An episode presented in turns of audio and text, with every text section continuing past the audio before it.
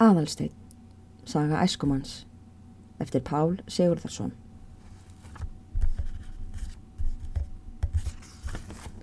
Fyrsti kapli. Fáir sem fadir, engin sem móðir. Breðdalur hinn litli. Sveitin likur upp til fjalla. Vestan fram með dalnum ganga hólar miklir, líkir til að sjá sem geysi miklar rústir eða niðurhundar borgir eru tröllaukinn þjóð hafi búið í til forna. Áður en Ásaþór kom hér og stökti bergurissunum burt eða leta á kenna á hamri sínum. Svo stórkostleg eru vexumverkin og svo hamramar hendur virðast hafa þar að unnið og lagt stein á stein ofan. Þó verður ekki sagt annað en Þór gamli hafi hreinsað það rækilega til því að eigi er kunnugt að séð hafi verið í manna minnum nokkur risavaksin mynd eða svipur sáir þætti bera vott um að verið væri að vitja aftur á fornan stöðvar. Nei, hvert barnið þórir að vera þar á ferð þó að dimmi og eru börnin þar í berjaleit einatt fram í myrkur þegar sumri hallar og þeim er leift að skreppa þangað vestur eftir eitt hvert sunnundagskvöld því að landið er berjasælt mjög. En í þann tíma sem þursar og bergrissar byggu þar hefur byggð svo varðla haft svo friðvænlegt nafn sem nú hafa rústirnar. Og heita hólar þessir nú kvorki meira en ég minna en smjörhólar. Og er í mæli að bændunum í dalnum þykja engin óhagur að beita þangað ánum sínum á sömurinn. Búsmalinn gerir þar allra besta gagn, bæði til mjölkur og smjörs, enda sækir til dalbúana á sömurinn mikill sægur af kaupafólki vestan úr sjávarsveitónum. Allir þeir sem hert hafa smjörhóla nefnda og þykir sem eigi muni annar staðar vætna til smjörsins og reyðir margur á haustin væna smjörbelgi þaðan úr dalnum. Þeir sem nú á dögum ferðast yfir þetta svæði.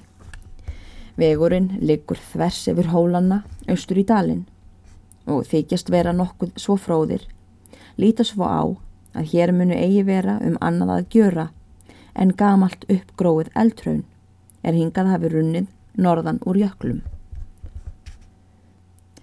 Víst er um það að hraun þetta sem eigi er yfir tvær mílur danskar á breytt vestur af dalnum og það er aðeins eistri hlutin er smjörhólar kallast nær norður eftir öllum götum breykar þá og trillist um helming og endar seinast norður í jöklum þar sem vart hefur mennskur maður fætist íð. Hraunið er sem áður er gefið í skinn algróið og ágætt haglendi vaksið víði, beitilingi, möðrum og kvönn og sjást þar að minnsta neðan til í því allháir byrkjurunnar á stangli. Fyrir botninum á dalnum er hrauninu nokkru flatara og eigi svo mishæðótt sem að vestan. Er brúnin þar kvöss sem staðar og allhá og steipist áinn þar fram af brúninni í fossi sem myndi vera fullkomið náttúruafbrögði af fegurð ef hann væri nokkru vatsmeri. Fallið er yfir hálft hundrað feta á hæð og stafar niður þráð beint og hverfur fossin niður í dimt og draugalegt glúfur um leið og hann stökkfir silfurtærum regndrópum á hérna háu hamraveggi umhverfis og veitir svo lífsvökvann hinnum smáu ljónslöppum, steinbrittlum og geldingarnöppum er hafast við í bergskórunum og á hamrasillunum. Þessi foss heitir Syngjandi og má heyra nið hans um allan dalin.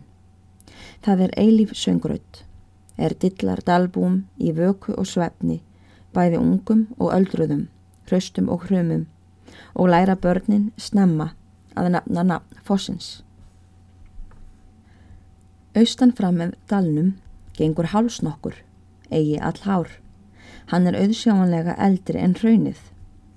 Hann er ímist grýttur eða lingi vaksin að ofan með fögurum, lágum eða vallendis graskeirum er likja þar upp og ofan um þvera hlýðina. Uppi á halsunum er mýrlendi mikið og grösugt, er alfarflá nefnist og er þar einagt krökt af sögðum og stóði dalbúa. Vestan til í alfarflá er alfhóll og hefur verið trú manna að þar ætti huldufólk að búa. Er hóllin þar eitt sér og all stór, með tveim smálautum ofan í kollin sem gæti verið gluggarnir. En vestur af hólnum ganga tveir þúpnaröðular og bás í milli. Ætla menn að þar muni vera dyrnar með kvömpum fram af begja vegna. Ímsar frásagnir hafa gengið af álvunum þar í hólnum og búskapareglum þeirra og skulum ég geta þess eins að það var lengi trú manna á Breðidal að ráðlegast væri að haga lambafráfærum á vorin eftir fráfærum huldufólksins. Stekkurinn frá hálsi, það var eitt bærin á Breifdal, stóð skamt frá álfhól og þóttust menn einætt um fráfærnaleitið heyra lambajarm til hólsins. Var svo trúmanna á hálsi að eigi var í ráð að færa frá fyrir en lambajarmur sá heyriðist á vorin fyrir að þá myndu vera fráfærur hjá álfunum.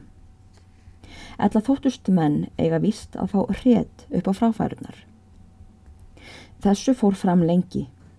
Það lagðist alltaf til á vorin að einhver fjármadurinn á hálsi heyrði jarminn frá stekk álvanna og gatt sagt til hvenar færa skildi frá. Eftir bóndanum á hálsi höguðu sér aftur aðrir dalbændur.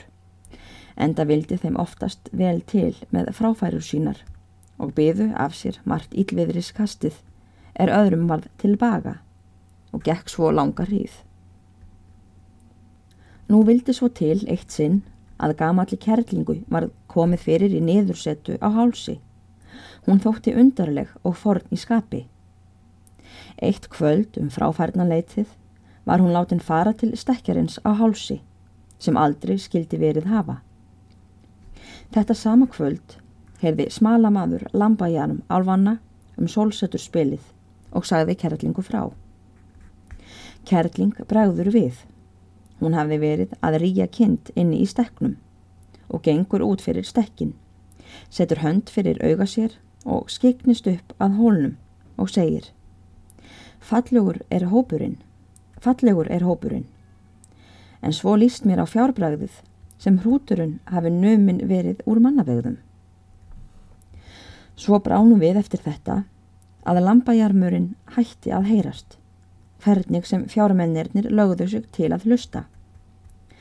Kunnu menn því ítla og var því kentum að álfunum myndi hafa þótt kerla sjá nógu mikið eða að minnstukosti vera nógu opinmynd og sögðu menn að henni hefði verið nær að þeia þó að þetta bæri fyrir hana. Álfaflá er beitiland mikið og gott og liggja engin viti við því að nota hana til beitar. Aftur má ekki heia þar á sumrum, korki mikið niður lítið og er sögn manna að sá fái ekki góð peningshöld veturinn eftir er aðeins í að bera þar ljá í gras. Og þá sjaldan er þetta hefur verið reynd, hefur þótt fara eftir trú manna. Lítið örlar á því að menn þykist verða varir við álvanna á síðari tímum, en þó segja smala menn enn í dag að þegar þeir á sumrin eru þar á gangi hjá hólnum sent á kvöldin, þá heyri þeir stundum strokkljóðið. Millir hraunsins og hálsins likur dalurinn. Hann er ekki all mjór og rennur áinn eftir dalnum í einlægum búðum. Undirlendið með fram áni hefur alla tíð verið engi gott en engum ágætt nú síðan dalbúar tóku til að veita áni yfir engið með haganlegum stíplum og flóðgórðum. Var það lengi vel að samtök vantaði til þessa, engum að meðan tveir gamleir bændur lifðu þar í dalnum. Því að þeir gáttu aldrei orðið á eitt sáttir og reif annar niður það er hinn byggði. Þeir héttu Þorvaldur og Þorvarður. En er þeir voru döðir Það var þá fyrir fáum árum er þessi saga gerðist. komst verkið óðara áleiðis fyrir samtök yngri bændanna, en það var hagsvonin auð sæ. Eiga dalbúar þannig forsjónunni mikið að þakka að hún tók gömlu mennina burt, þó að seint væri. Því að þar á græða þeir nú flæðistarar hesta svo hundruðum skiptir árlega og munu græða meðan dalurinn er byggður. Í dalnum eru sjö heimili alls, fjórir bæir að austanverðu undir hálsinum en þrýr að vestan við hraunjaðarinn. Þessi sveit er á sunnanverðu Íslandi. Þegar við segjum á sunnanverðu þá tölum ég eigi að hætti þeirra manna er kallað það söður, er útsöður skild eða jafnvel vestur, en hitt austur er söður skildi. Byggðuvor liggur sunnanvert á Íslandi í þess orðs réttu merking og vísum ég til uppdráttar Íslands ef lesari hefur hann við höndina og getur fundið þar breðidal hinn litla.